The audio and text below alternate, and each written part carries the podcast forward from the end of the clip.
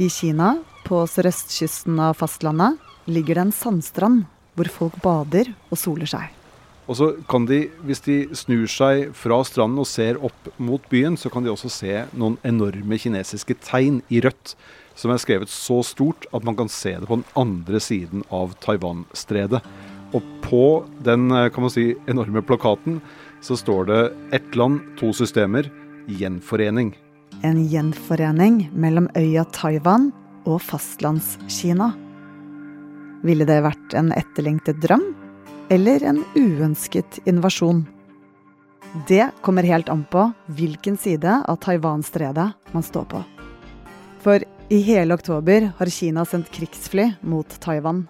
Og Det tolkes både på Taiwan og andre steder som en, en måte, et signal Kina sender for at de nå øver seg på å kanskje overta Taiwan. Dette er ikke første gang Kina ypper med Taiwan. Men denne gangen er det flere ting som er annerledes. Det handler om legendestatus, en mulig forsnakkelse og et Fremskrittsparti.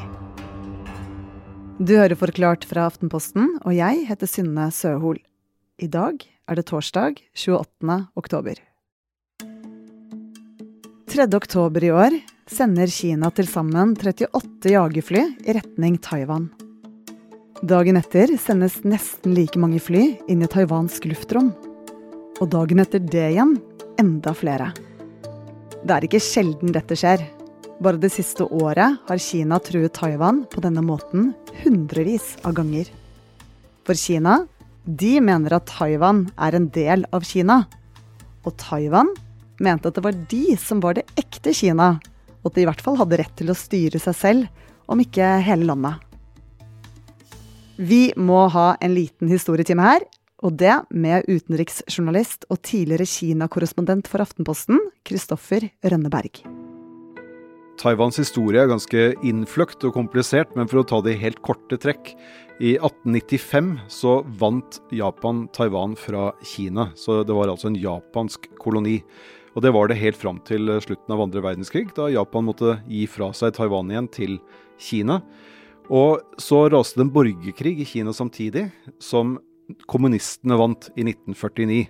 Men kommunistene kom seg ikke til Taiwan, for der satt de de hadde vært i borgerkrig med, nemlig nasjonalistene under Chiang Kai-shek, som regjerte på Taiwan. Og en periode etter 1949, etter at han tapte, så plottet han et, eh, et, comeback på fastlandet. Han skulle ta tilbake makten i Kina. Det klarte han aldri, men han klarte i hvert fall å ha makten på Taiwan. Og det er situasjonen vi sitter med i dag. At uh, du har et uh, regime på Taiwan som styrer seg selv, mens fastlandet er styrt av kommunistpartiet. Og nasjonalistene på Taiwan de anerkjenner aldri offisielt at kommunistpartiet har makten i Kina? Nei, de, de mente fortsatt at det var de som var Kinas reelle herskere.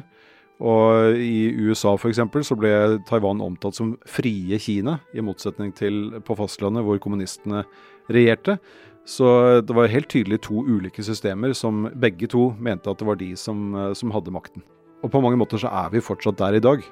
Så derfor har Taiwan i praksis selvstyre. Og siden 1949 har de styrt øya som om de var et selvstendig land. Etter hvert også med et demokratisk styre, en folkevalgt regjering og en egen president. Mens Kina de ser på Taiwan som en av sine provinser og har ønsket å gjenforenes i alle år. Så hvorfor blusser denne konflikten opp igjen akkurat nå? Jeg tror det kan være flere grunner til det. En uh, årsak er hva som har skjedd på Taiwan. En annen ting er hva som skjer i, i, Beijing. Og Hvis vi kan begynne med Beijing, så har vi der nå en leder, Xi Jinping. Han har sittet ved makten i, i ni år og har veldig store ambisjoner om hva han skal utrette for det kinesiske folk. Og allerede så er han på samme nivå som Mao Zedong, eh, den store lederen eh, som overtok i 1949 og som styrte landet helt til han døde i 1976. Og Xi Jinping han ønsker å bli enda større. Han, enn Mao? Han vil bli enda større enn Mao. Han har allerede navnet sitt i grunnloven. Folk lærer om Xi Jinping-tanke på skolene. Men hvis han skal bli enda større enn Mao, så må han gjøre det Mao aldri fikk til, nemlig å ta Taiwan. Og så sa du at det skjer noe på Taiwan eh, også, som gjør at dette blusser opp nå. Hva er det? Jo, politikken på Taiwan har tradisjonelt vært styrt av to store partier. Du har nasjonalistene og Det demokratiske Fremskrittspartiet. Og dette Fremskrittspartiet det er de som styrer nå, og de har tradisjonelt sett vært mer opptatt av å sikre den taiwanske identiteten og gjøre avstanden til fastlandet større, mens nasjonalistene har vært mer opptatt av å, å gjøre avstanden mindre. Men det at det da er Fremskrittspartiet som styrer nå, det gjør at man, i Beijing så blir de provosert, og de har en veldig tydelig holdning om at de ikke skal komme for tett på kommunistpartiet i Beijing. Og derfor ser innbyggerne på Taiwan krigsfly over himmelen denne høsten. De er jo åpenbart lillebroren i eh, det, i det forholdet her. Og de er en liten øy med noen og 20 millioner innbyggere som blir truet eh, på ganske brutalt vis av storebror i, eh, i, vest. Så det er klart det er jo ikke behagelig for taiwanere å vite at de kan være i ferd med å bli invadert. Men samtidig så har jo denne trusselen hengt over dem helt siden 1949. De er vant til at uh, Kina rasler med sablene. Så um, på Taiwan stort sett så lever de sine liv på vanlig vis, iallfall så vanlig de kan uh, i det som fortsatt er en pandemi der. Og så håper de at, uh, at, de vil kunne klare å gjøre motstand hvis invasjonen skulle komme. Og det skal jo sies de har kjøpt masse våpen fra USA for å kunne forsvare seg hvis den invasjonen en dag kommer. Og det er ikke bare våpensalg USA har bidratt med i det siste. For noen dager siden sa president Joe Biden noe som sikkert fikk mange TV-seere til å sette kaffen i halsen. Og til å frykte full krig. So are you saying that, that the United States would come to Taiwan's defense if yes, China attacked? Yes, we have a commitment.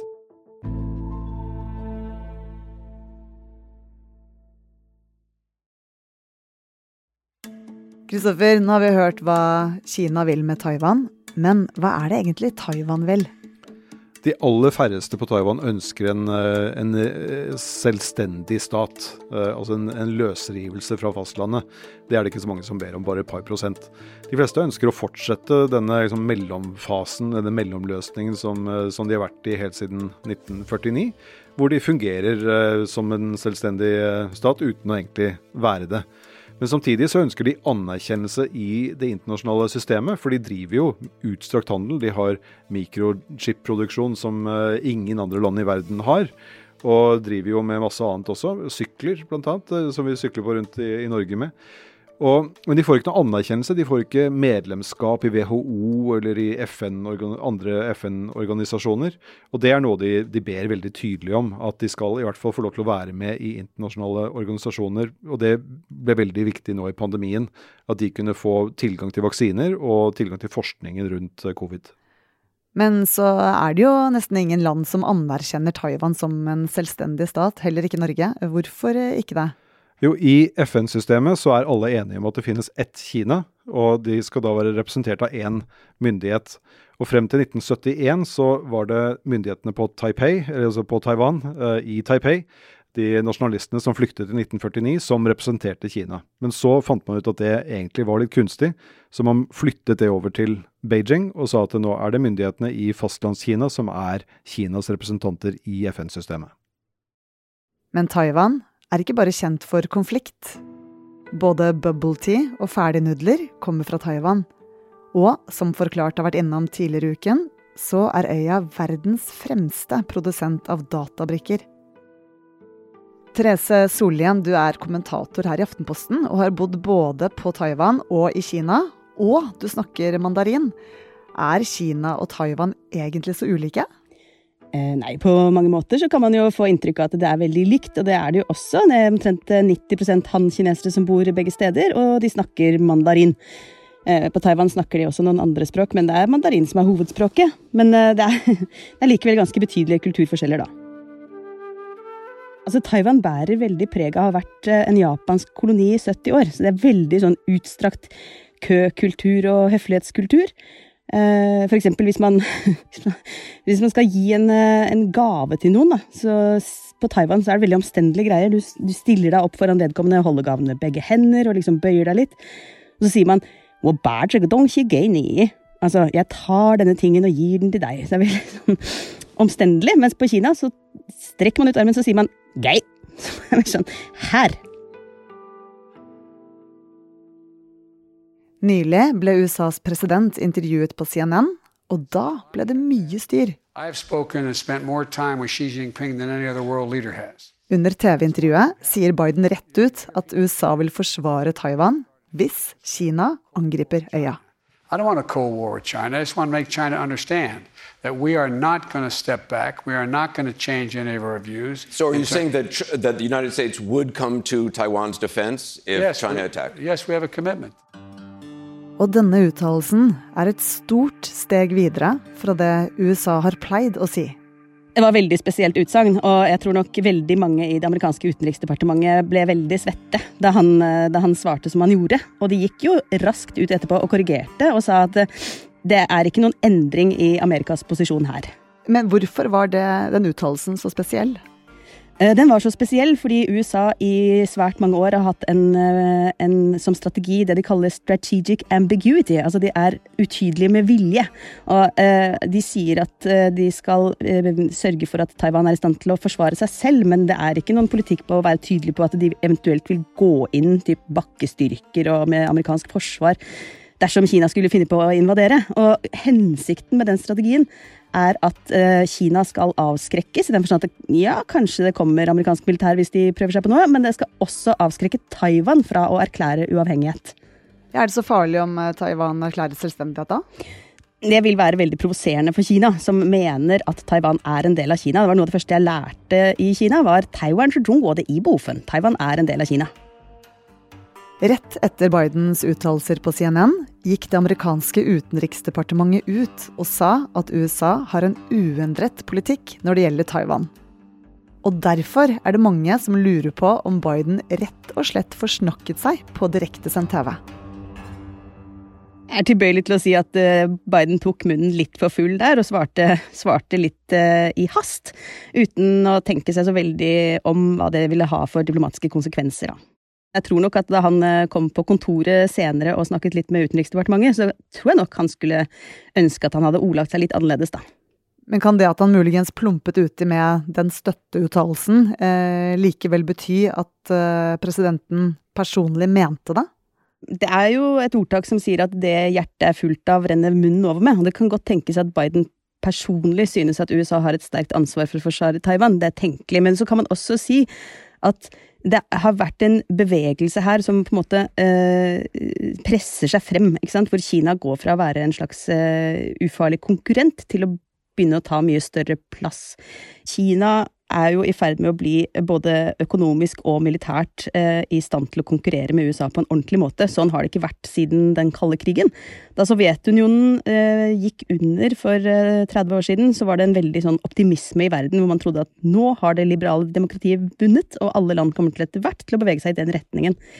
Eh, og USA gikk inn i en rolle som verdens eneste supermakt, etter å ha vært i en kald krig med Sovjetunionen, som jo var veldig mektige.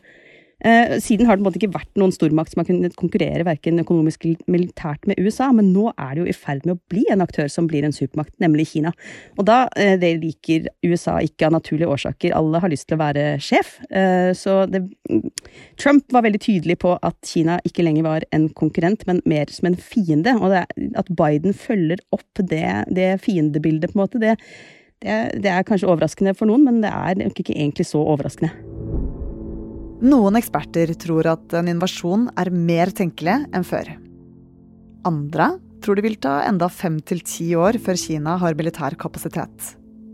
Men hvis vi skal se for oss det verst tenkelige scenarioet, hvilke konsekvenser kan et kinesisk angrep mot Taiwan få? Altså, Eh, hvis USA skulle finne på da å gå inn og støtte Taiwan militært, så er det eh, en krig mellom to supermakter hvor begge maktene har atomvåpen. Det, hvorfor har det ikke vært krig mellom stormaktene siden 1945? Mange vil jo si at det dreier seg om institusjonsbygging, at man har fått på plass EU og FN og lykkes i å bevare freden på den måten. Andre vil si det er fordi man har funnet opp atombomben. En så utrolig, et så utrolig ødeleggende våpen at altså, krig mellom stormaktene ble umulig. Og her er det altså snakk om da, eh, en mulig krig mellom to atommakter. Det orker vi ikke tenke på. Men hvor sannsynlig er det at eh, Kina tør å gå inn i Taiwan? Tror du de vil ta den sjansen? Eh, jeg tror ikke det. Nettopp av den grunn at utsiktene til en forferdelig ødeleggende krig er for store. Det som derimot kanskje kan skje, er en sånn stadig, stadig drypp av å ta makten, slik man har sett med Hongkong. Så Taiwan kan rett og slett bli det neste Hongkong? Ja, altså jeg håper og tror i det lengste at det ikke er en uh, reell fare for at Kina invaderer Hongkong. Så i det scenarioet hvor Taiwan skulle ha blitt en del av fastlandskina, så måtte det være at nasjonalistene vant makten tilbake fra Folkets uh, Fremskrittsparti, og at de kreftene i nasjonalistpartiet som ønsker gjenforening med Kina, får en større plass. I det scenarioet så er det sånn at man kunne da sett for seg at politikken er sånn uh, ett Kina, to systemer. Eh, sånn som Hongkong egentlig er under. Men nå ser man hvordan fastlandskina har gått frem på Hongkong, eh, i Hongkong og tatt makten mer og mer, på en mer og mer autoritær måte, hvor friheter som eh, taiwanere holder veldig høyt, sånn som forsamlingsfrihet, ytringsfrihet, pressefrihet, sånne ting, i stadig større grad forsvinner i Hongkong. Det er et veldig avskrekkende bilde, og selv de kreftene på Taiwan som ønsker eh, større samarbeid med Kina, ønsker nok ikke eh, en autoritær stat. Så jeg tror ikke eh, vi kommer til å se Taiwan som en reell del av Kina med det første.